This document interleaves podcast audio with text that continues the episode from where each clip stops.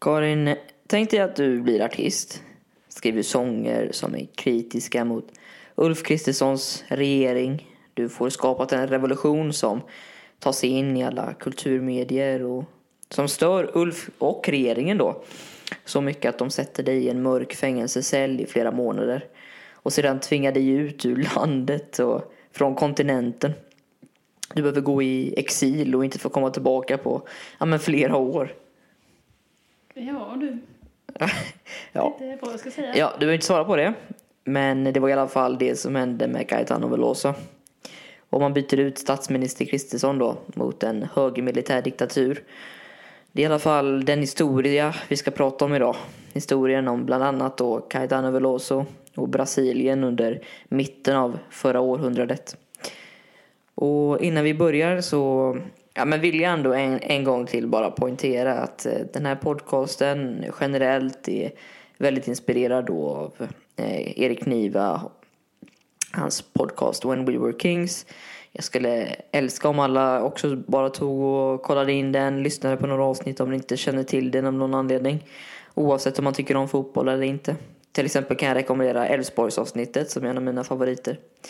Men vi ska inte slösa bort mer tid förutom att Karin kanske om du bara kan säga mejladressen som man kan nå oss på om man skulle vilja ställa frågor, ha anmärkningar eller ha om, särskilt då om man har ja, eh, förslag på artister, album som också har en liksom social och ja, men intressant händelseförlopp och historia bakom sig.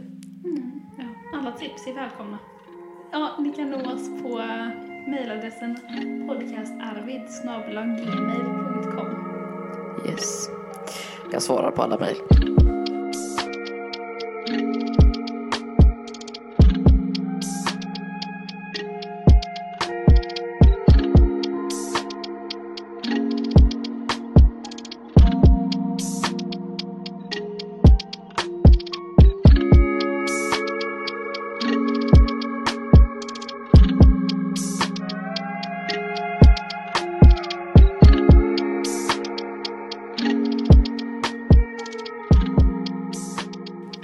Men eh, Caetano Veloso i alla fall är förmodligen en av musikhistoriens minst egocentriska rockstjärnor. Han är faktiskt motsatsen. Mannen besitter ju en mild, eh, lugn röst och är dessutom otroligt blyg. Men för honom behöver inte denna rösten vara mer än så. Det räcker med att han tar sin första ton och stämningen i rummet blir något annat. Enligt Caetano själv så kommer atmosfären med hans röst. Det är hans närvaro, hans personlighet liksom. Många som har intervjuat honom, men också befunnit sig i hans närhet, säger att han är en närmast pojklig personlighet. En lätthet som ofta smittar av sig på sina närmaste. Jag vill dock börja den här historien lite tidigare för att göra kontexten på vilket Caetano växte upp lite mer förståelig. Och för det måste jag backa bandet i alla fall. Och då vill jag egentligen börja i Brasilien. Det är ett land som både på ytan men också befolkningsmässigt är det femte största staten i världen. Landet som då togs över av Portugal, som alla känner till tror jag, och blev en portugisisk koloni efter att den portugisiska sjöfararen Pedro Alvarez Cabral upptäckte Sydamerika under 1500-talet. Och flera hundra år av kolonialism Eh, tror jag man säger. Eh, det liksom påverkade landet och dess invånare i väldigt hög utsträckning. Trots ändå många konflikter lyckades, alltså lyckades inte Brasilien att bli självständigt före mitten av 1800-talet. Och dessutom blev man inte av med slaveriet till exempel förrän slutet av ja, samma århundrade. Men sen då, i början av den brasilianska republiken dominerades regeringen av militären då vilket ledde till ja, men, tryckfrihetens försvinnande och kontrollerade val. Först 1894 kom civilbefolkningen till makten efter ekonomiska och militära kriser. Och under denna tid bibehöll Brasilien en, ja, en relativ balans i sin utrikespolitik. Den löste gränsfister men genomgick interna kriser inklusive då, ja, finansiella ja, instabilitet och uppror. Och när landet närmade sig 1930-talet så, ja, men då såg många utifrån på Brasilien som ett instabilt och främst då oenat land. Inte bara bytte de regering stup i kvarten utan invånarna såg inte ens på sig själva som brasilianare. Ja, men de identifierade sig egentligen utifrån vart de kom ifrån rent geografiskt. Alltså till exempel då i Sverige, hallänningar eller stockholmare. Ja, ni fattar. Och för att förstå vad som skulle hända sen behöver man också förstå vem Getulio Vargas var. En politiker som hade ett klart mål.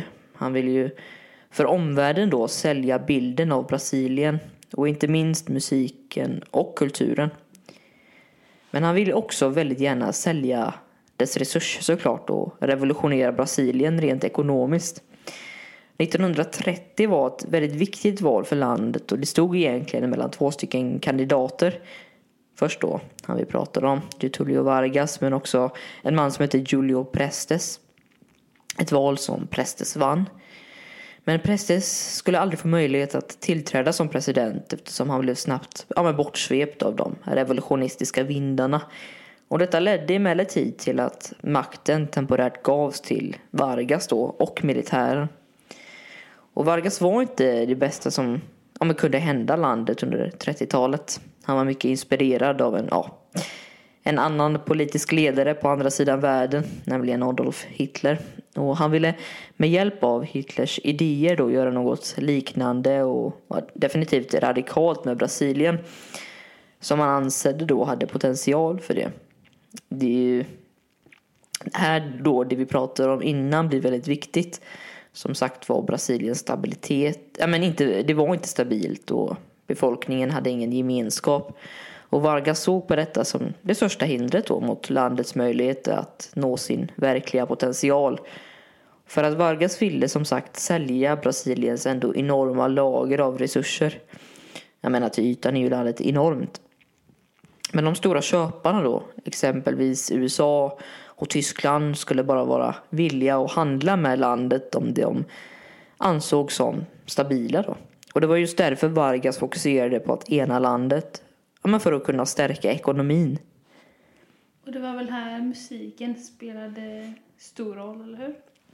Absolut. Eh, för Vargas främsta verktyg för att både ena landet men också ja, men romantisera bilden av Brasilien utifrån, det skulle faktiskt bli musiken. Vid makten skulle Varga se till att alla låttexter som nådde radion vid denna tiden ja, men skulle vara granskade av makten. Vilket då i slutändan skulle se till att ja, men alla sånger och texter som släpptes skulle rensa bort allt som inte sågs på som ja, men förskönande och visade en idealbild av landet Brasilien. Och detta fortgick trots ett oerhört komplicerat fram och tillbaka under 30 och 40-talet. Och Vargas skulle sedermera bli avsatt för att igen tillträda. Under dessa åren skulle också andra presidenter bli tillsatta och sen avsatta. Det var ett väldigt kaos som, ja, men, som skedde här. Och under 50-talet blev Vargas omvald igen för att sedan tre år senare bytas ut mot en man som heter Filo. En president som sen vid 1955 skulle bytas ut mot en president då som hette Carlos Luz som endast kvarlevde vid makten inte mer än jag tror, tre dagar. Och efter att andra världskriget och Brasiliens allierade seger ledde politiska ja, förändringar till, att, ja, till en period av ekonomisk tillväxt under en, ja, en ny president som hette Kubitschek. Känd då för att bygga, Bras bygga Brasilia. Vet du vad Brasilia är Karin? Ingen aning. Ja, men det är den här, ni vet, den här huvudstaden som byggdes som ser helt öde ut. Han ville helt enkelt ha ett nytt, ja, nytt center för Brasilien om jag förstår det rätt. Och, eh, ja, men han hade ju den ja, kända 50-årsplanen till exempel för att revolutionera landet. Och sedan efter Kubitscheks ändå misslyckande kom en annan efterträdare till makten då vilket skulle bli Brasiliens första regelrätta, rätt genomförda presidentbyte sedan slutet på 1800-talet. Eller ja, alltså sista mm, skifte utan våld kan man egentligen säga. Något på något sätt så, ja men det bevisar ändå på något sätt Brasiliens oerhörda kaos. Men det var inte slut där, för om vi flyttar oss sen till 60-talet dit stora delar av vår berättelse kommer att utspela sig. Närmare bestämt då den tidiga våren 1964 så skulle ja, men läget i landet skifta totalt. Det är nämligen så att den då sittande Joao eh, Goulart, tror jag man säger, väldigt franskt men jag tror man säger Goulart, vänsterledaren då, som tillsammans med sin demokratiska regering tagit makten under ja, 50-talet skulle inte kunna göra något mer än att bara ja, men se på när Brasiliens väpnade styrkor rullade in i Rio de Janeiros, ja, men på Rio de Janeiros gator för att genomföra en statskupp mot regeringen. Och detta brukar ses på som ja, men den riktiga starten på den militära diktaturen i Brasilien som skulle hålla sig i ända i, ja, men på mitt, mitten av 80-talet någonstans. Jag tror det var 85, men man kan ju diskutera när det egentligen slutade. Och en kupp som också var minst sagt sponsrad av John F Kennedy och hans regering. Från USAs perspektiv var man helt enkelt, ja men man var helt enkelt rädd för vänsterregeringen i Brasilien under Goulart. Man såg den ja men då, geografiska orosmålen med att de låg så nära Kuba och dessutom med Sovjets påverkan på Kuba just då. Eh, man var ju redan väldigt rädd att Kuba skulle bli liksom kommunist. Och de hotade också Sovjetunionen med att sprida det ut i Sydamerika. Så man satte upp amerikanska skepp utanför kusten i Rio för att stödja militärkuppen. Man kan se på det lite som en, ja, men en backlinje nästan. Men under den första perioden av den militära diktaturen så skapades en lag som skulle få sitt, alltså ett enormt inflytande på det vi ska prata om idag. Nämligen musiken i landet en lag som skulle komma att heta Institutional Act number 5, eller nummer 5 då. En lag som trädde i lag i slutet av 1968. Och denna lag skulle vara något av en katastrof, såklart. Kort och gott gjorde det att man, ja men de flesta civila rättigheterna togs bort från invånarna. Bland annat då habeas corpus, men man skapade en regelrätt diktatur genom att ta bort mänskliga rättigheter då och avverka demokratiska val till exempel. Man gjorde det också väldigt enkelt för staten att utan riktiga rättegångar tortera och till och med avrätta vem man ville. Men det som för vår kontext är viktigast är nog att man helt enkelt censurerade media och främst då musiken. Musiken under demokratin hade ju innehållit mängder av låtar på radion som ändå på något sätt kritiserade livet och förutsättningarna i det så fattiga landet Brasilien. Och nu fanns det bara en typ av musik och det var den musiken som hade godkänts av staten. Och det var då i denna kontext som Caetano Veloso föddes och senare växte upp, skapade sin världsbild och filosofiska idéer i. Och Veloso föddes i Bahia i 1942. Något i vad jag förstår ska vara liksom Brasiliens New Orleans musikstaden i landet. Ofta i intervjuer så pratar han om att, och nu citerar jag, Rio de Janeiro i Brasilien, Sao Paulo i världen, men Bahia i Bahia. Slutcitat. Staden är liksom omringad av hus som delvis är så gamla som 300 år. Och den är också belägen i nordöstra Brasilien. En region som oftast anses vara den fattigaste delen i landet. Hans föräldrar var helt vanliga medelklassarbetare som tog, ja, men tog hand om en stor familj. Det var åtta barn totalt men trots att familjen levde på en mycket liten yta så adderade det vad jag förstår något, ja, men något cirkuslikt i huset. Vänner och familj som vandrade in och ut och också en far som arbetade hemifrån och en hemmafru till mor. Och dörren ska alltid ha varit öppen och alla i huset ska ha haft ja, men ganska stora personligheter. Liksom unga, redo att göra skillnad i samhället eller kulturen. Och Caetano som beskriver sig själv som skygg och extravagant, definitivt introvert, hade dock tillsammans med hans systrar fått plats med ett litet piano i hörnet av den lilla lägenheten. Vilket på dem i timmar ska ha spelat på och försökt härma låtarna de hörde på radio. Vilket inte var enkelt för de fick göra det helt utan noter också. Men annars var det ganska alldagligt. Alltså Brasilien var ju väldigt religiöst, vilket familjen Veloso också var. Föräldrarna berättade för barnen i familjen att om de inte gjorde den obligatoriska bönen före de skulle sova så ja, då kunde de förvänta sig att hamna i helvetet. Och de tvingade också sina barn att ja, men bära helsvart täckande liksom, sorgekläder när en ja, äldre släkting har dött och så vidare. Förra avsnittet med Dylan så pratade jag om Dylans tidiga influenser och inspirationer. Mhm. Hade han några liknande som påverkade honom lika mycket som till exempel Woody? Eller något liknande? Ja. ja, det känns lite som att du vet svaret på den frågan. Men ja, absolut så är det. Vi får nästan säga att det var när han, men när han flyttade till sin yngre syster Maria till en lägenhet i Salvador Bahia. Det är alltså inte landet Salvador, det är en del i Bahia. Som han bytte pianot mot då gitarren.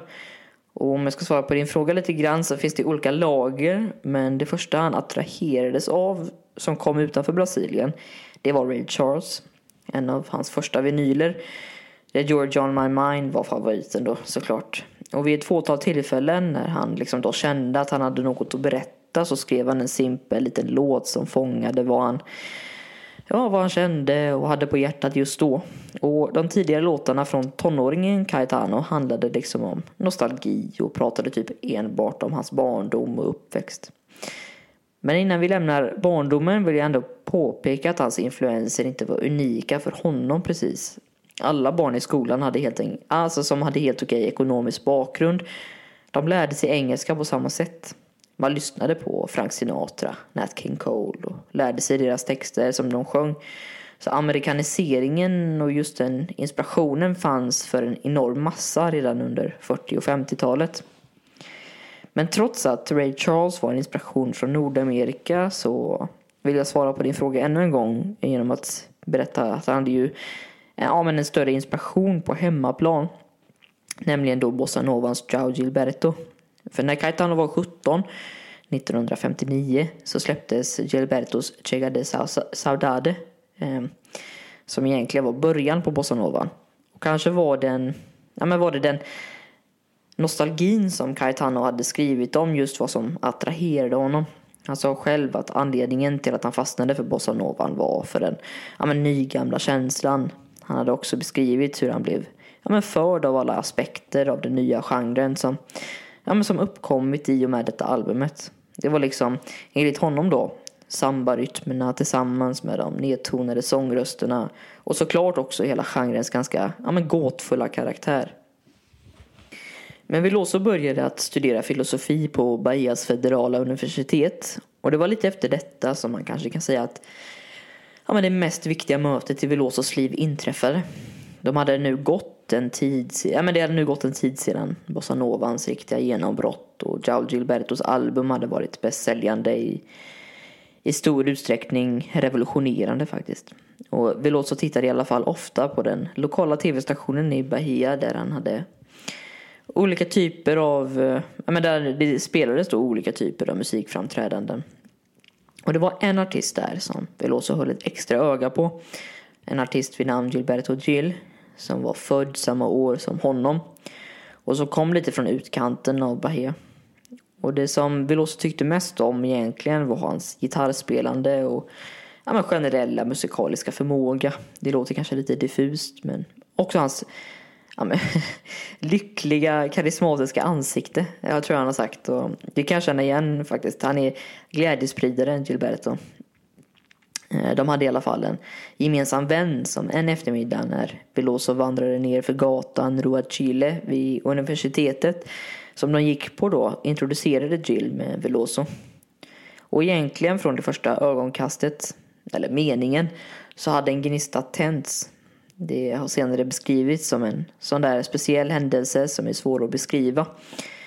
Kan man jämföra det med när Lennon träffade McCartney? Jag vet inte. Men det, de unga artisterna blev i alla fall vänner ganska snabbt.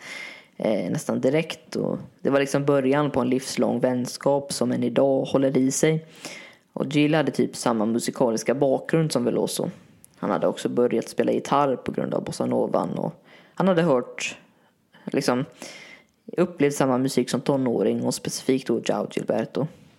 Men ganska snabbt, ja men då förstod i alla fall Jill och Veloso att de skulle samarbeta. De hade båda, ja men visste att de skulle bli artister, musiker. Och Jag vet att Jill redan så mycket, mycket liten sa till sina föräldrar att han ville bli antingen då Brasiliens president eller en musiker. Och det är lite ironiskt för att han skulle bli eh, kulturminister sen i framtiden men det är typ 70, 50 år fram i tiden. Eh, eller 40 kanske. Eh, och de börjar med att spela in en del i Salvador tillsammans, även i Rio de Janeiro, men också såklart Sao Paulo. Och egentligen var som helst, de fick liksom spelningar såklart. Och de bildade rätt snabbt en grupp av musiker som spelade tillsammans. Det var då såklart Veloso, Gilberto Gil, eh, men också artister som heter Gao Costa, och, som var lite yngre än dem. Hon hade, som alla andra av den här gruppen, förälskat sig i Jao Gilbertos bossanova redan som 14-åring. Och redan när hon var 18 introducerades hon till Veloso. Och sedan en fjärde person som hette Betania. Maria Betania. Och det var då ingen mindre än Caetano Velosos syster själv som också hade inspirerats av samma musik och genom Jao Gilbertos musik funnit en gemenskap i gruppen. Karin, hade du kunnat arbeta med din bror? Ja då. och de var nu eh, fyra personer i alla fall som Veloso redan från början förstod var något speciellt. Veloso, Gilberto Gil, Gao Costa och Maria Betania. Och 1965 då flyttade Veloso med gruppen till Rio de Janeiro i hopp om att bli musiker då, heltidsproffs. Han visste att han var begåvad och ville ge det en chans i alla fall. Det gick ganska fort här för Veloso och Maria började uppträda i stan och få gig regelbundet. Och inte långt senare började han uppträda med hela gruppen. Och detta ledde då emellertid till att gruppen kom att möta upp olika musiker och poeter runt om i stan och genom inspirationen de fick av alla artister kunde de ja, först skapa ett unikt sound som var en blandning av alla influenser de hade. Det är ungefär här som de också förstår att de kan göra något verkligt annorlunda. Och när de fick finslipa det lyckades de också öka publikens storlek, ja, varje vecka. Och det var långt ifrån rikskända fortfarande. De kämpade nog för att få uppmärksamhet utanför stadsgränserna. Men det stora genombrottet, startskottet på hela rörelsen egentligen då, den kom i form av en serie av tv-framträdanden. Det var nämligen så att trots regeringens då hårda övervakning av kulturen så fanns det festivaler i Brasilien som tog inspiration från de, ja, men de europeiska musikfestivalerna. Typ San Remo-festivalen i Italien som också sändes på tv. Men istället för ja, men traditionella festivaler där man ja, uppträdde i omgångar under några dagar i Europa så var upplägget i Brasilien annorlunda. Man konstruerade dem som någon, ja, men något som kan ses på som typ Melodifestivalen. Man mätte alla medverkandes texter, melodier och undermeningar och alla tävlade då om ett pris. Och detta blev efter militärkuppen då det främsta och kanske enda stället artister från ja, popkulturen och då såklart tropikalismen kunde ha någon slags underliggande kritik mot staten utan att bli censurerade. En aspekt av dessa festivaler var också hur ja, men publiken då agerade. Det verkar ha varit mest som typ ja, men fotbollssupportrar. Det var liksom skrikandes gymnasieelever som under tävlingens gång då bildade grupperingar som stöttade olika artister och låtar. Men eh, populärt var det i alla fall. För under 65 till 67 då så skapades och sändes flera sådana här festivaler med samma ja, men struktur. Det sågs över hela landet och så fort en originell ny artist vann tävlingen visade sig ganska snabbt i musikförsäljningen. En vinnare kunde bara några veckor efter att, ja, men vinsten då se sina debutsinglar sälja i hundratusental. Och in i 1967 um, ehm, så kom då möjligheten för Gilberto Gil men också då såklart Caetano Veloso att delta i detta spektakel efter att ha klarat sig igenom de, jag tror det var tre veckor långa elimineringsrundorna, 3000 bidrag och typ sex månaders planering. Och de beskriver det själva som att de introducerade ja, en helt ny typ av musik som de då kallade först för en universell musik. Alltså ett universellt ljud. Eh, Gilberto Gil kom på andra plats medan Veloso kom på fjärde plats tror jag det ska vara. Men det spelar egentligen ingen roll att Veloso inte vann. Eh, hans låt som han framförde, Allegri Allegria, alltså glädje glädje översatt, började stiga på listorna och sälja i tusentals exemplar. Och i slutet på året låg Veloso etta på Brasiliens inhemska topplista. Detta då medan vinnaren av festivalen låg på någonstans vid tionde placering. Och jag skulle vilja ta avstamp i låten också eftersom det egentligen är startskottet för rörelsen och det är därför mer än bara en sång. Det är en kulturell och politisk ja, manifestation som fångar andan av en epok och utmanar konventionerna på ett sätt som var ja, men karaktäristiskt för ja, men vad som skulle komma längre fram i vad som då kallas tropikalierörelsen. Man kan ju säga det på olika sätt. Jag kommer nog säga tropikalism och tropikalia främst här. Eh, men det beror ju också på hur man själv känner liksom. Men vi låser oss Ja, men det som jag tycker är mest... Ja, mest upp, uppenbart är i alla fall Velosos skickliga användning av, av språket och det liksom gör att låten får en tidlös utforskning av samhällets komplexitet och den ja, personliga längtan efter frihet. För i låten då så skildrar Veloso en vandring genom stadens gator. En resa som blir en reflektion över den splittrande verkligheten i det samtida Brasilien. Han beskriver en stad fylld av importerade symboler för modernitet från bilder av brott och bomber till rymdskepp och vänstergrillor. Liksom allt möjligt. Och dessa bilder konkurrerar med glamorösa foton av utländska skådespelerskor och det reflekterar då den förvirrade naturen i Brasiliens sociala landskap. Jag har försökt att översätta en ex, alltså ett exempel från låten här till svenska. Och då är det in i ansiktet av presidenter, in i kärleksfulla kyssar, in i tänder, ben och flaggor, bomber och Birgit Bardot. Ja, ni fattar. Det var egentligen här man först började prata och benämna gruppen som Tropicalistas.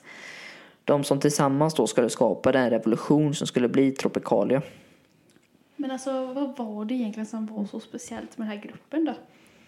Inte bara gruppen utan också rörelsen som utvecklade sig är väldigt värd att nämna nu faktiskt också. Och jag hörde någon annan förklara det i alla fall som ett slags, men någon slags märklig blandning mellan det medvetna och det omedvetna. Men kort och gott då, för att svara på din fråga så kan man beskriva allt som målet att nå en autenticitet och inte minst nationell autenticitet i musiken. Och detta till stor del på grund av ja, men regeringens hårda kontroll över kulturen som hade gjort, med, ja, men som gjort den mer globaliserad. Man tog liksom alla stora inspiration, Giao Gilberto och den genren som han hade skapat, alltså bossanovan, och förtryckte nästan med, med alla typer av märkliga, förut då okända ljud i Brasilien. Och då pratar jag främst om saker som de psykedeliska delarna i musiken som kom från 60-talet i västvärlden. Kanske främst då USA och England från The Beatles till Jimi Hendrix. Men alltså det var inte allt. Det fanns också mycket influenser av typ soul, funk, R&B. Och det som dock gjorde det unikt var nog deras förmåga att inte bara få ett helt nytt, ja men fräscht sound, utan också få det att låta som att det är, ja men självklart är det så splittrade brasilianska samhället. Och denna fusion då i musik lät som något som absolut inte kom, ja, kunde komma från någon annanstans än just Brasilien. Och rent politiskt då, alltså tropikalismen började då de främsta och starkaste vänstervindarna hade börjat blåsa i samhället. Främst kan man säga att det var en ja, men reaktion på militärkuppen som gjorde Brasilien till en diktatur 64.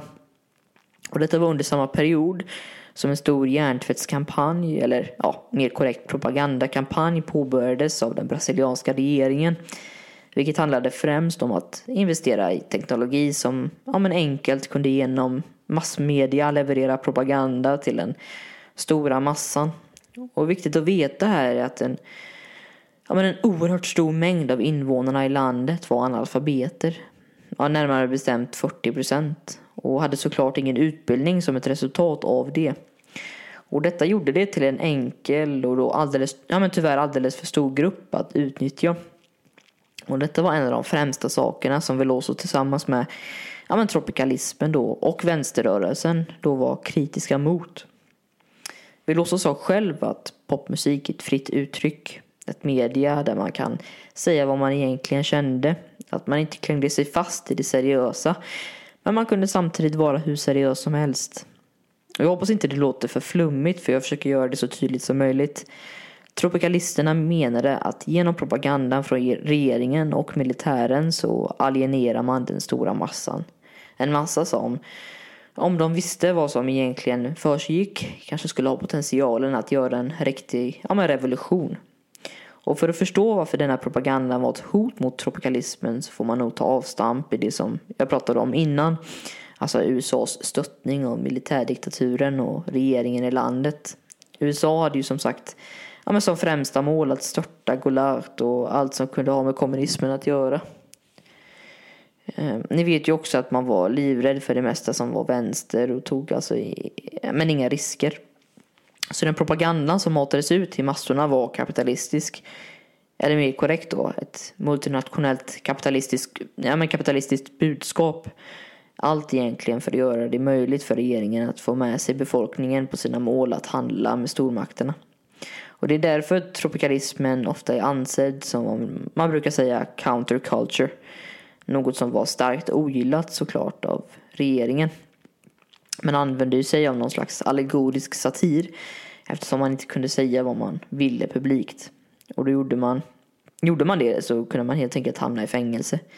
Eller då faktiskt värre än det. Jag menar, över 400 personer blev faktiskt avrättade under militärregimen. Delvis då för att stå upp mot regeringen publikt. Dessutom hamnade 20 000 personer i fängelse för det också. För Velosos del var hans debutalbum, som inte bara gjorde att han exploderade i popularitet utan också nästan ja, startskottet för hela rörelsen.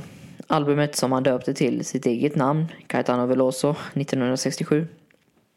Och jag skulle vilja ta avstamp i några av Velosos låtar på albumet för att verkligen visa i vilken verklighet han levde i men också hur han beskriver sina låtar. Jag har ju redan beskrivit en av låtarna som hamnade på albumet, Allegria Allegria. Men en låt som var viktig självklart också var Tropicalia. Den låt som ja, men rörelsen skulle döpas till också.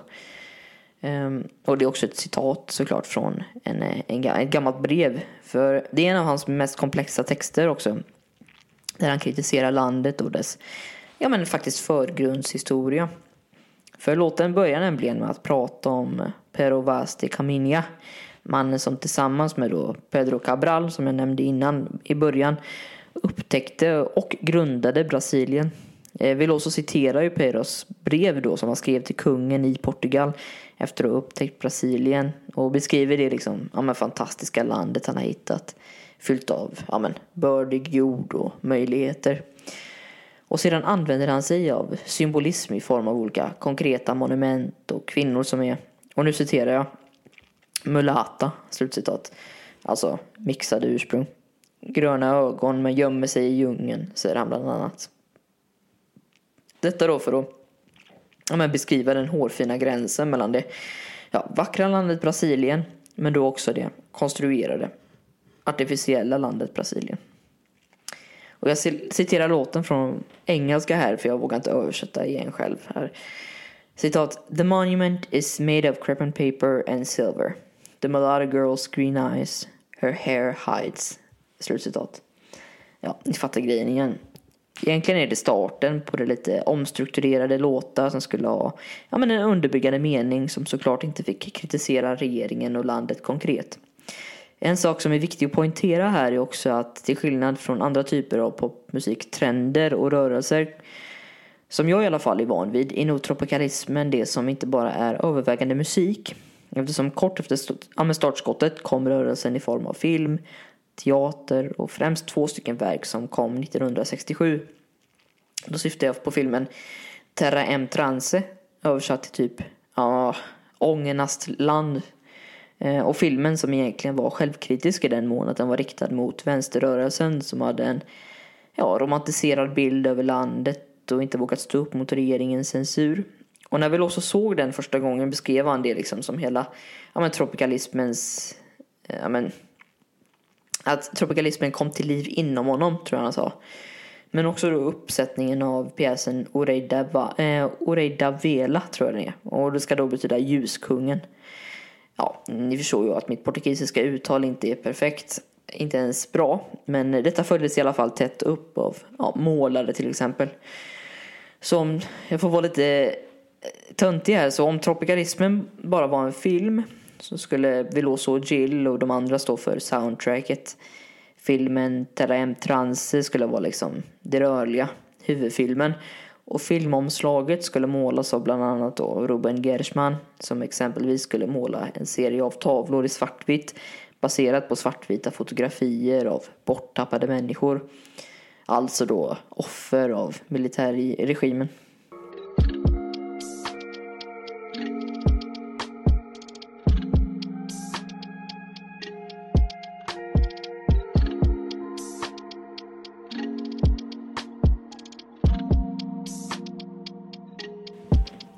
Tropisk optimism kolliderar ofta med tidens verklighet och politiska oroligheter. I slutet av 1960-talet, i takt med att hårdföra militären tog makten i Brasilien under president Artur da Costa e Silva, ja, men då växte spänningarna i samhället. Alltså, radikala studenter protesterade mot regimens ökande kontroll och våld vilket då kulminerade i tragiska händelser då en student sköts till döds av militärpolis under demonstrationerna i Rio de Janeiro.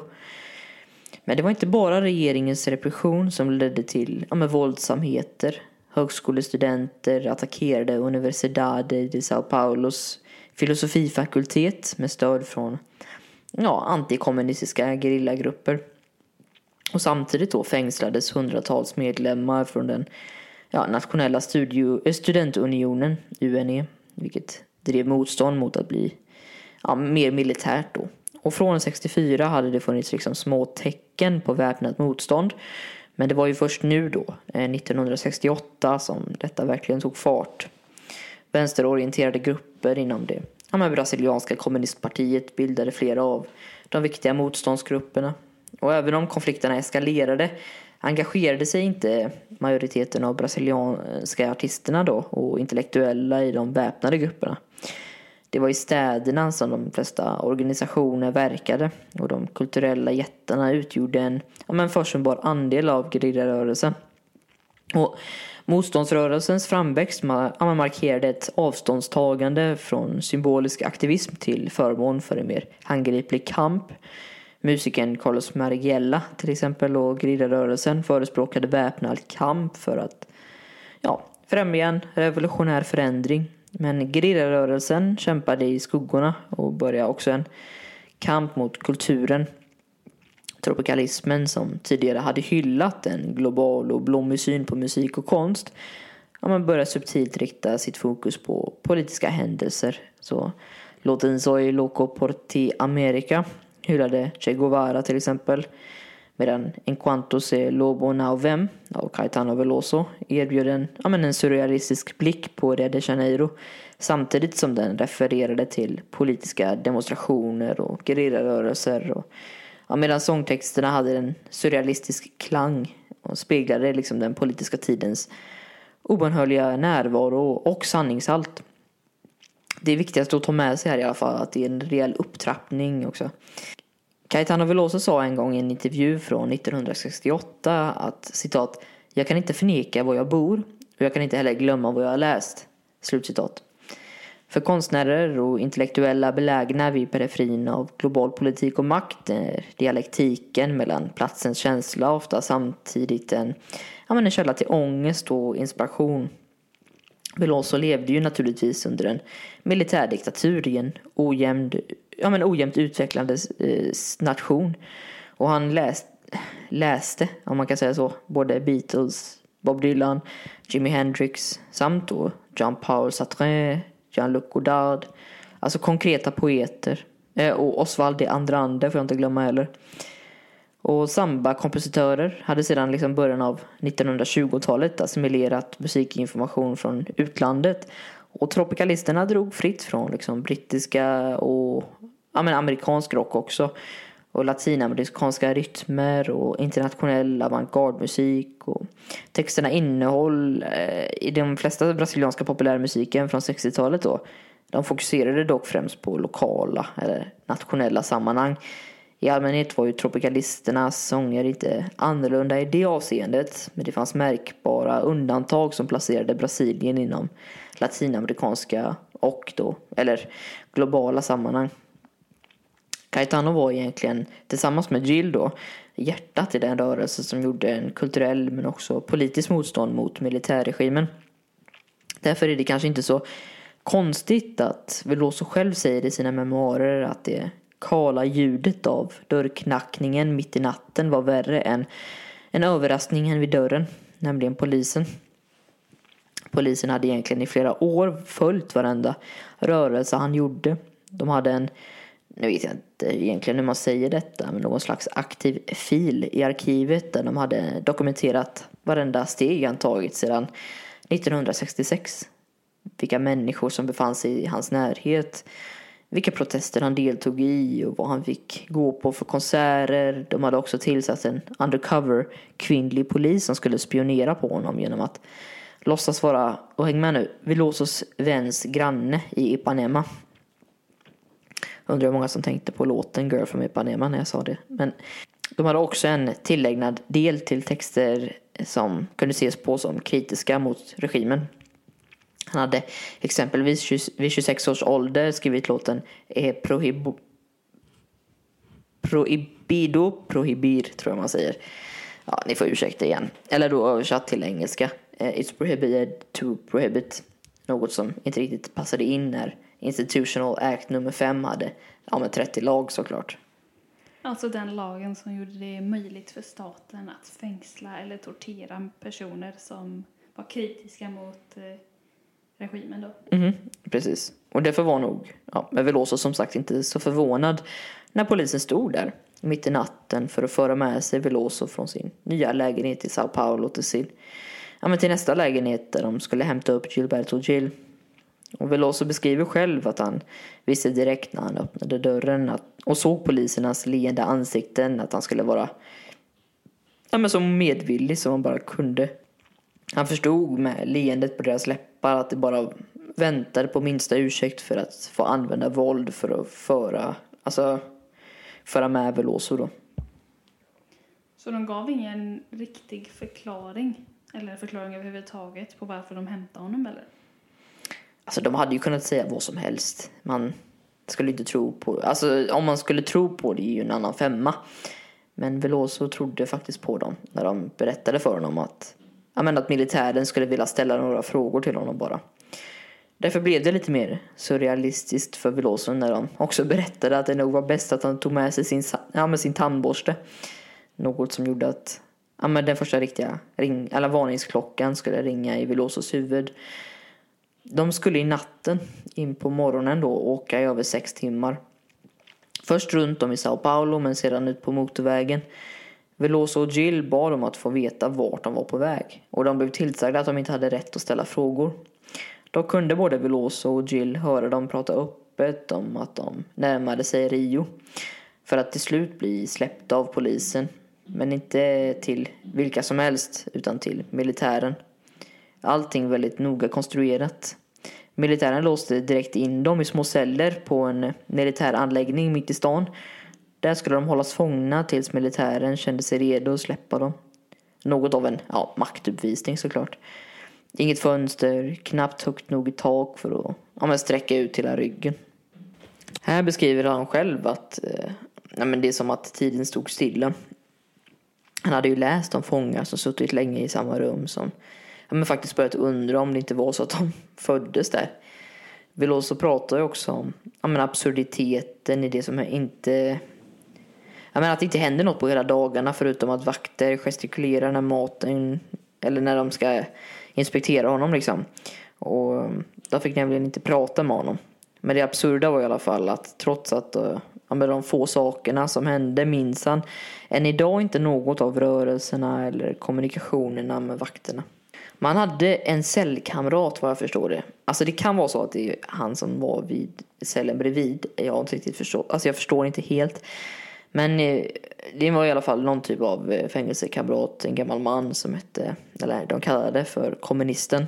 Och trots att de störde sig på varandra till stor del så bestämde de i alla fall att vid nyår så skulle det, ja men de lyckas skåla in det nya året tillsammans i cellen.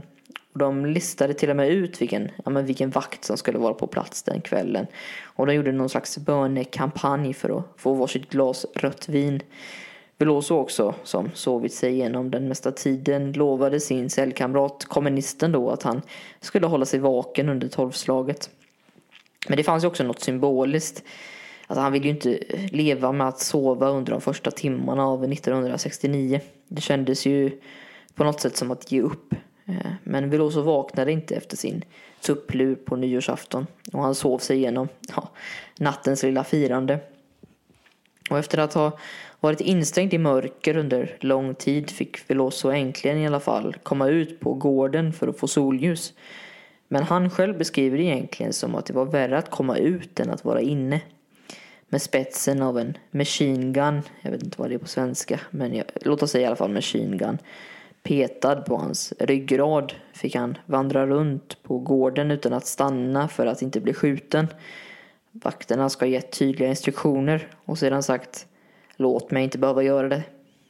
Ja, något som han också förstod när han väl fick komma ut i några minuter var att vakterna eller ledningen helt plötsligt inte hade känt sig lite snälla utan att den lilla promenaden hade motsatt effekt. Alltså, Veloso beskriver hur när han kom ut då och fick känna frihet för första gången på länge förstod att han, ja men vilken påverkan isoleringen hade på honom.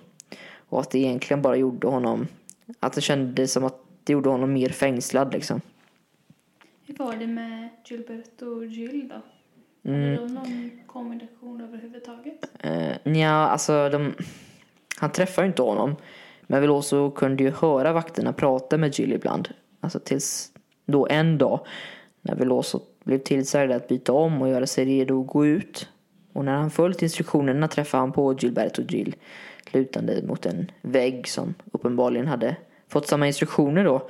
Samma instruktioner som var tydliga för att de fick inte prata. Därför fick de liksom försöka kommunicera tyst. Men de kunde ganska snart få börja prata eftersom de blev infösta i en van och bortförda i totalt mörker. Dock med sirenerna på vilket gav dem möjligheterna att ja, men kommunicera då. Men från vad Veloso beskriver hade de svårt att ens veta vart de skulle börja så till slut tystnade bara båda och stirrade på varandra. Det verkade för dem som att de bara körde runt i cirklar för att skrämmas. Men uppenbarligen inte, för skrämmas skulle de. Men det skulle också komma när det kom fram. Första och enda gången under hela den här galna härva så skulle de använda sig av fysiskt våld mot dem när de puttade dem, Veloso och Jill då, eh, när de puttade dem eh, som de förmodligen inte tyckte rörde sig tillräckligt snabbt eller något sånt. Och de blev körda långt bort till en annan militäranläggning utanför den riktiga civilisationen och här ska de blivit tillsagda att klä av sig till sina underkläder och sedan blivit ja, men införda i någon form av baracker tillsammans med andra fångar av olika slag. Och den nya anläggningen med andra fångar var uppdelad i tre delar egentligen. Två rum eller utrymmen tilldelade politiska fångar dit Veloso och Jill tillhörde. Sedan ett tredje då för, ja, men för riktiga fångar som satt inne för våldsbrott de politiska fångarna var ju skyddade av någon, ja, men någon slags rättighet som gjorde det förbjudet för vakterna att föra sig med våld mot dem. Och detta ledde egentligen till att ja, men de vakterna som faktiskt följde dessa regler snarare använde sig av psykiskt våld i form av rasism bland annat. Detta var dock Ja, men det var dock inte det psykiska våldet från vakternas elaka och rasistiska uttalanden som var den värsta terrorn för Veloso.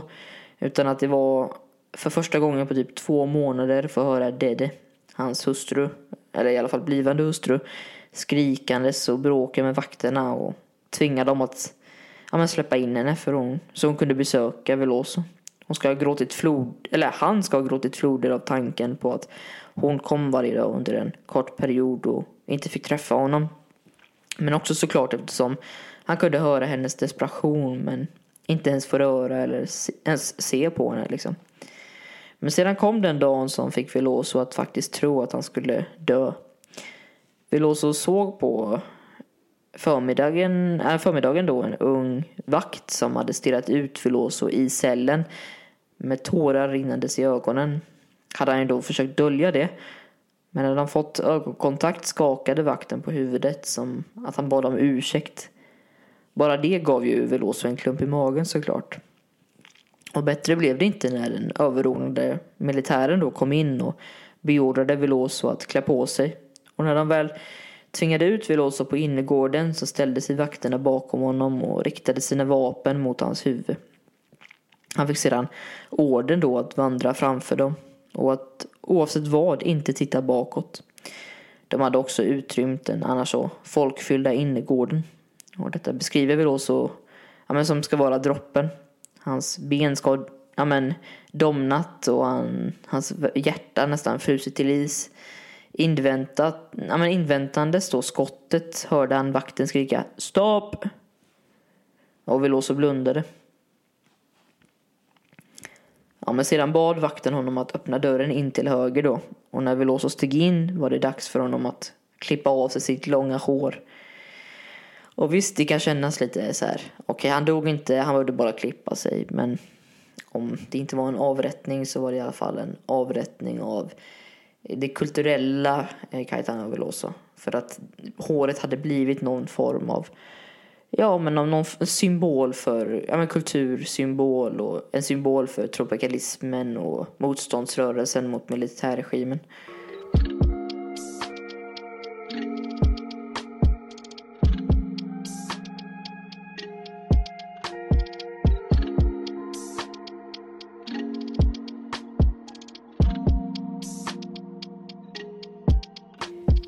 Efter tre månader i isolation och ständig övervakning kom under Velosos lunch det in två polisvakter då i cellen och beordrade honom att ställa sig upp. Han skulle äntligen bli släppt ur fängelset. Och 19 februari blev de ivägflugna till Bahia. Men de var fortfarande arresterade, eller hur? Eh, ja, precis. Jag vet inte om man ska säga att de blev fria direkt men de fick i alla fall se sol, ja, solsken och leva utanför fängelset. Och när de landade i Salvador Bahia i alla fall så blev de ännu en gång satta i en cell. Men det var bara något temporärt medan logistiken skulle listas ut. Här sattes Veloso äntligen då för första gången tillsammans med Gilberto Gil. De ska på ja, men lång tid bara pratat och pratat om vad de hade gått igenom. Väl efter logistiken hade rätts ut, trott, ja, men tror jag det tog några timmar bara så skulle de innan de fick lämna fängelset träffa Artur från eller överste Artur från militären. Och väl på hans kontor då förklarade han med hjälp av oklara bilder från tidningarna där de hade setts på demonstrationer varför de då blev arresterade. Men också erkände både Jill och Veloso några tillfällen då de medverkade med, medverkat i demonstrationer emot staten. Allt ska ha skett väldigt inofficiellt då. Och hur som helst så frågade överste Artur i slutet om de hade någonstans att bo och ta vägen i stan. Vilket på såklart de svarade ja. De kommer ju från Bahia. Bra, ska översten ha sagt då. För de ska nämligen få order om att inte under några förutsättningar lämna staden. Dessutom då skulle de behöva rapportera in till myndigheterna varje dag. Så husarrest? Ja, precis. Husarrest. Eh, men där stod de i alla fall. Eh, för Låso och Jill i februari natten. Kolsvart och bredvid varandra. Fria inom citationstecken då. För första gången på tre månader. Ovetandes om att de skulle sitta i husarrest längre perioden än så. Och Caetano Veloso beskriver i sina memoarer att de inte visste hur de skulle tänka, gå eller säga. Plötsligt stod de bara där omedvetna om hur de skulle leva sina liv. Han beskriver också hur medveten han själv är. Att hans historia kan ses på som ja, men irrelevant i relation till andra människoöden i landet från och med 1964. Efter fängelset så läste han om antalet våldsdåd och tortyr till och med avrättningar som skedde i fängelsen. Också personer som satt i flera år. Han kände på något sätt att hans historia och upplevelser var ganska irrelevanta i relation till det då. Men hur som helst, efter fyra månaders husarrest där de i alla fall fick vara med sin familj och Dead såklart och prata med Gilberto Gill så blev de till slut, hur ska man säga detta egentligen? Ja men frågade att lämna landet. En förfrågan som då möjligtvis bara har ett svar. De blev helt enkelt tvingade att lämna landet, gå i exil. Och detta efter många påtryckningar från Jills sida som rapporterade till överste Artur och var angelägen om att få all do dokumentation från arresterandet. Och det blev nog för mycket för Artur. Och Gillo Veloso hade inget att säga till om egentligen när de blev förfrågade att lämna. Och tänk er själva, ni som men, ni har levt som studenter, blivit någon av en frisk fläkt i ett fruktansvärt samhälle. Men sedan tagit sig in och satta i fängelse och husarrest i ett halvår. Och sedan blivit tillfrågade, eller rättare sagt tvungna att lämna landet och sätta igång ett helt nytt liv på en annan del av världen. Jag tror att alla har samma frågeställning. Hur ska det fungera? Vart ska pengarna för flyg, boenden eller mat komma? Vart skulle de i så fall arbeta? Frågor som ja, ingen verkade ha svar på. Men till slut lyckades alltså Jill och Veloso att övertala överste Arthur igen att om de nu var tvungna att betala flyg, boende och levnadskostnader på en helt annan del av jordklotet kan de i alla fall få en chans att samla in pengar. Och det gick han med på. Överste Arthur gav väl och Jill en chans att samla in pengar genom två välgörenhetskonserter i Salvador under juli månad 1969. Däremot på ett villkor. De skulle inte hetsa upp publiken. Vilket som så, ja, men de gick, såklart gick med på. Och senare då, den 20 och 21 juli steg de upp på scen på Teatro Castro Alves. Alltså stadens största arena. Och där samlade de in tillräckligt att klara sig ett tag i alla fall. Och Veloso minns inte konserten så värst mycket. Han uttrycker själv att han har någon slags mörk skugga över sig som tog upp hans tankar. Men konserten ska ha varit tämligen väl mottagen och ihågkommen. Men Gillo Veloso visste vad som väntade efter sista ackordet. Under tiden de hade fixat allt för konserten med repetitioner och så vidare hade polisen jobbat med allt pappersarbete. Och sedan stod de där för att ta sig, ja men ta ner dem från scenen. Och sedan tar de mot Rio. Där eskorterade polisen dem till flygplatsen och i förlängningen gaten. Tillsammans med deras fruar, systrarna Dede och Sandra Gedala. Så fick de ett sista farväl till polisen. En av poliserna sa då, eh, citat, Kom aldrig tillbaka hit. Men om ni av någon anledning för, ja, får för er att återvända Skicka oss en signal så vi slipper allt trubbel med att leta upp er. Slutcitat.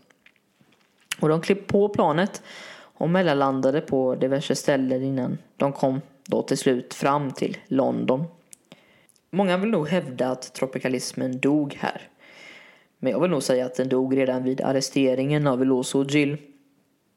Men det betyder inte att allt var förlorat ja, men tropikalismens estetik och generella kulturella påverkan fortgick och deras exil gav stafettpinnen till andra i gruppen. Gal Costa exempelvis som ja, men 1969 gav ut hennes första soloalbum. Dessutom Jorge Ben och Roberto Carlos de tog över och blev minst lika viktiga. Kanske är faktiskt en av de, de mest utstående albumen från 69. Jorge Bens självbenämnda album då, Jorge Ben ett riktigt tropikalismalbum som innehåller allt från tecknade superhjältekvinnor och en hommage till fotbollslaget i hans hjärta, Flamengo. Men han var otroligt på att framföra visa och visa upp svartas orättvisa i, både i Brasilien men också internationellt. Men främst då om afro-brasilianare. Eh, men Veloso hade ju inte heller slutat göra musik på grund av fängelset. Även lite under husarresten men Främst då i London arbetade han på sitt andra album. Men jag skulle vilja ta tillfället i akt och prata snabbt om en annan, annan artist som heter Jacob Buarque, tror jag man säger. För att han har en låt som är en perfekt demonstration över hur tropikalisterna arbetade för att få fram sitt regimkritiska budskap under censuren. Ja, men som jag pratade om lite innan. Jag har tagit en liten bit från Charles Cornells Youtube-video som heter How Brazil's Music Hid Protest Inside Harmony.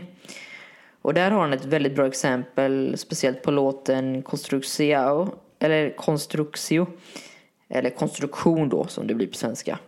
Min portugisiska blir bara sämre och sämre med tiden. Eh, Chico blev också utvisad 69, eller ja, han gick i exil självmant kan man säga. Eller ja, lite oklart, oklara omständigheter. Men han flyttade i alla fall till Italien efter ett gängregimkritiska album. Och låtens melodi är liksom hemsökande och texten är märklig på så sätt att meningarna egentligen är ja, men utbytbara. Jag tänker inte få för mig att översätta eftersom jag kommer begå misstag. Men Karin, jag har gett dig en textrad på engelska där. Eh, om du bara kan läsa upp den nu då. And floated in the air as if he was a bird. And ended at the floor like a floppy package. He agonized in the middle of the public sidewalk. He died in the wrong lane, messing up the traffic. Mhm. Och inte bara är det en otroligt tydlig men också såklart stark uppvisning om hur ja, men regeringen inte brydde sig det minsta om vissa grupper. De såg bara på dem som några som var i vägen. Men också gör Cornell en bra poäng i sin video om att visa hur melodierna också var ett sätt för artisterna att visa underliggande mening. Nu kan jag inte visa i låten men efter att ha sagt att personerna ja, men i låten hamnade på fel sida av vägen som du läste upp Karin så ja, men förstörde för trafiken då helt enkelt så hörs en enorm blåsbonanza. Alltså tänker typ A Day in the Life of the Beatles bara. Mm, massa bara ja, men blåsinstrument som i desperation och då såklart simulerar riktig trafik som tutar och ber personerna att flytta sig. Men också ett exempel som han tar upp från bossanovan i Antonio Carlos Jobims album Stoneflower. Och i många av låtarna är det tydligt att ja, men när texternas teman förändras till det värre så följer också musiken med och skapar ett ja, men, obehag medvetet. The harmony of this tune is all over the place, and it's really, really interesting how it continues using this descending pattern within the bass line to constantly subvert what you feel like is going to be a resolution, and then it just doesn't. Even right in the beginning, we set up this descending motion into a 2 5. You would kind of expect this to resolve, but it doesn't. It plays the chord, but on the third, so it's still not feeling like we've settled into anything, right? So we start. Right? And so we're still here without having resolved anything. It's still up in the air. We're still unsettled. Han beskriver som sagt sättet Jobim skapar obehag genom melodin men det får inte ses över som något endast ja, musikaliskt tekniskt bra utan också ganska våghalsigt om man kan säga så. Eh, alltså det är uppenbart menat som en kritik mot regim, eh, alltså regeringen som senare ska granska låtarna. Man ligger liksom på en sån hårfin linje så att, alltså att man kommer undan.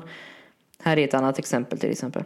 One of my favorite deceptive cadences in this piece is right on the B section here. We start off with this familiar motion. But watch where this goes.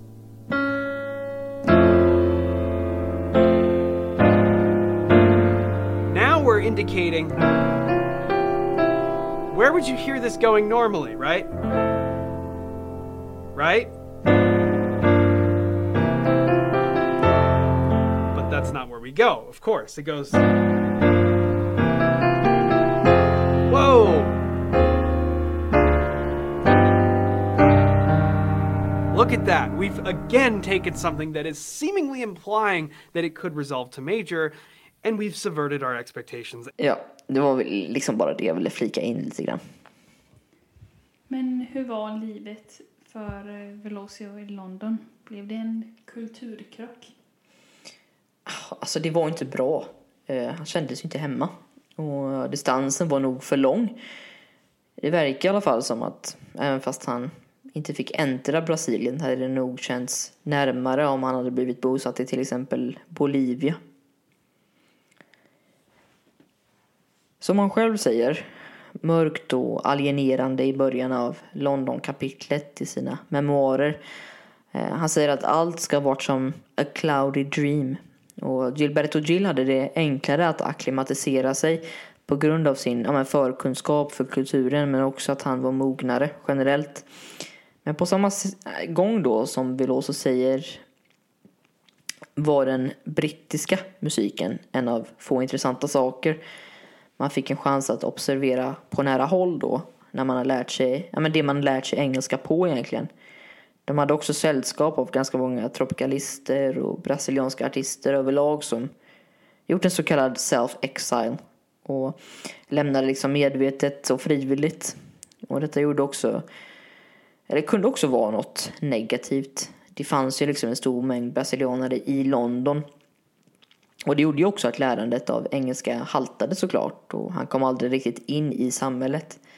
Han som förut älskat allt som hade med film och teater att göra gick inte på en enda engelsk föreställning eller gick aldrig in på ett bibliotek eller bokhandel då.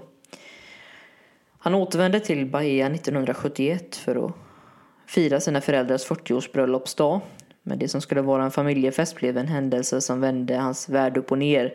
Betania, hans syster, hade ordnat allt i förväg säkrat med militärkontakter. Men vid Rios flygplats förvandlades planerna till en mardröm. Civilklädda poliser tog honom till fånga och förde honom till en okänd lägenhet där hoten blev nya och oro av rädsla såklart tog över. Och i ett tillstånd av aggression och övertygad om att han inte längre kunde beträda sitt hemland då återvände han till London. Exilen som redan verkade oändlig fick honom att bestämma sig att ja, men, lära sig uppskatta sin nya stad på nytt. Där bland ja, men Londons gräs det gradvis blev mer bekant och bänkarna såg ut som sorgliga begravningsskyltar och taxibilar som påminde om mörka precisioner. Fann han en, ja, men en ny sorts frid i alla fall. Även om det hjälpte att engelska skivproducenter älskade hans gitarrspel var den främsta miljön som lät honom känna sig mindre medveten om sin egen brist på teknisk briljans. I det främmande blev pinsamheten mindre påtaglig kan man säga. Och senare under samma år, mitt i inspelningen av ett nytt album vid namn Transa, ja men då ringde telefonen. Giao Gilberto från en studio i Sao Paulo ville att han skulle sjunga tillsammans med honom och Al Costa för en tv-special. Men det verkar ju omöjligt. Eh, trots Velosos motvilja var ju Gilberto övertygad om att allt skulle gå bra.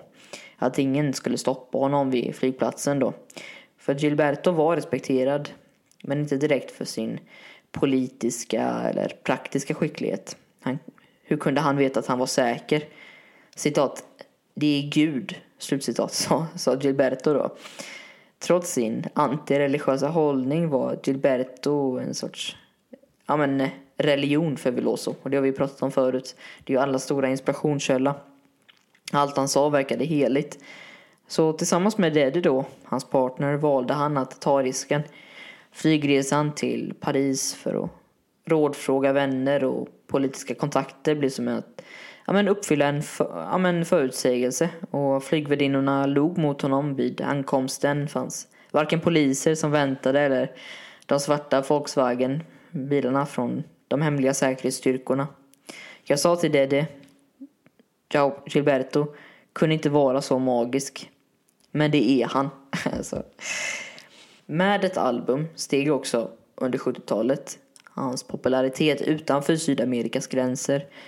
En uppskattning för det som men, kom inte bara från de portugisiska länderna men också USA och Europa främst. 70-talet blev ju också ett viktigt årtionde för tropikalisterna.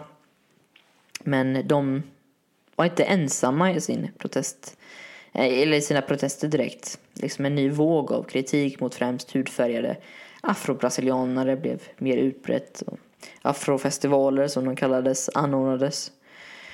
Men också saker som soul och reggae blev större musikgenrer i landet. Och landet blev såklart mer och mer trött på diktaturen och upp mot slutet av 70-talet blev Brasil ja, Brasilien de klev ju liksom in i en fas av sin diktatur som, om jag får säga det, lättade lite på den stenhårda, stenhårda responsen från regeringen. Och när vi sen passerar årsskiftet 79-80 är Tropicalia ändå relevant på så sätt att de lagt grunden för all musik som skulle komma skall. Dessutom kultur. Men exempelvis kunde den brasilianska rocken utvecklas på 80-talet på grund av det, alltså Tropicalia. Och Ernesto Geisel, när han kliver in i den politiska arenan, signalerar förändring 1974. Hans planer, benämnda som abortura eller Distenzao, eh, pekar på en gradvis avmattning av auktoritärt styre. Han hoppas på citat, maximal utveckling med minimal nödvändiga metoder. Slutcitat. vad det nu betyder. Eh, och ja, trots detta fortsätter tortyr av vänster och kommunistiska opponenter. Giselle tillåter dock oppositionen, MDB, att ha en relativt fri valkampanj inför valet 74. MDB vinner oväntat stort och när de även vinner flera platser i kongressen 76 tar Giselle till drastiska åtgärder då. Han skingrar kongressen 77 och inför nya lagar vilket håller kvar partiet arena, ja, med deras positioner då. Men eh, presidentframgångar och politiska turbulens fortsätter då. Giselle avskedas plötsligt, eller avskedar plötsligt en ja, men långt högerorienterad arméminister och möter den första stora strejken sedan 64 som då kräver och vinner en 11-procentig löneökning. Och hans tid vid makten avslutas med att han ja, återupprättar vissa friheter och efterträdaren, eh, efterträds då av general Jao Figueredo. Och sedan 79 tar man bort Institutional Act nummer 5 då dessutom, som vart så fruktansvärd. Och när José Sarney träder in 1985, då är det väl officiellt då, då avslutas den militärregim som haft grepp om landet i 21 år. 21 år av censur, tortyr och exkludering och såklart svepte det med sig en, ja, men en våg av opportunism genom landet. Dessutom då när en ny konstitution infördes 1988 full av garantier för sociala, politiska och civila rättigheter. Och för att hedra 25 år av tropikalismen släppte Veloso och Jill en skiva vid namn Tropicalia 2 år 93. Eh, en specifik låt, Haiti, fångade folks uppmärksamhet främst på grund av den med dess kraftfulla budskap om samhällsfrågor närvarande både i Haiti och Brasilien. Och i låten tog man upp ämnen som etnicitet, fattigdom, hemlöshet och korruption i samband med till exempel då aids-pandemin. Och år 2004 hade Veloso blivit en av de mest ja, respekterade och produktiva internationella popstjärnorna med över 50 inspelningar tillgängliga. Och han framträdde vid den, ja, till exempel den 75 Oscarsgalan han vann dock inte, men han uppträdde. År 2002 gav Veloso ut en berättelse om sina tidiga år i tropicalismrörelsen då. Historia i Tropical Truth som den heter. Som jag använt mycket som underlag här i dagens avsnitt. Hans först helt egen ja, men, eh, e-, engelskspråkiga skiva. Eh, A Foreign Sound heter den. Kom ut 2004 som inkluderade Nirvanas Come As You Are. Och kompositioner av liksom The Great American Songbook. Caetano Veloso fortsätter att vara en dynamisk kraft inom musikvärlden. Med en karriär som men fortfarande formar och påverkar dagens samtida scener. Och genom sitt fortsatta engagemang och bidrag har han blivit en ikon inom Brasiliens musikaliska arv och globala influens för många musiker världen över. Oavsett om det är hans ja, banbrytande album, hans djärva utforskande av musikens genre, äh, med gränser och, eller hans bidrag till kulturell förändring förblir ändå Caetano Veloso en levande legend inom musikens värld med ett fortsatt med fortsatt entusiasm och nyfikenhet som omfamnar den, ja, men det nya och okända är det klart att hans musikaliska resa är långt ifrån över. Och vem vet, kanske kommer vi snart se honom ösa ut sin musikaliska talang i en helt ny genre eller dyka upp på en, ja, men med en oväntad samarbetspartner. Med Veloso vet man liksom aldrig vad som är möjligt. Vem vet, nästa gång vi ser honom kanske han gör en duett med en robot eller gör en hitlåt med, ja, men om sin kärlek till tacos. Vem vet? Det är just den oväntade överraskningen som gör honom så spännande och må alltså mångfacetterad. Eh, och det är vad som fortsätter att hålla oss alla förväntansfulla inför vad som han har att erbjuda härnäst. Trots att han är 81 år fyllda.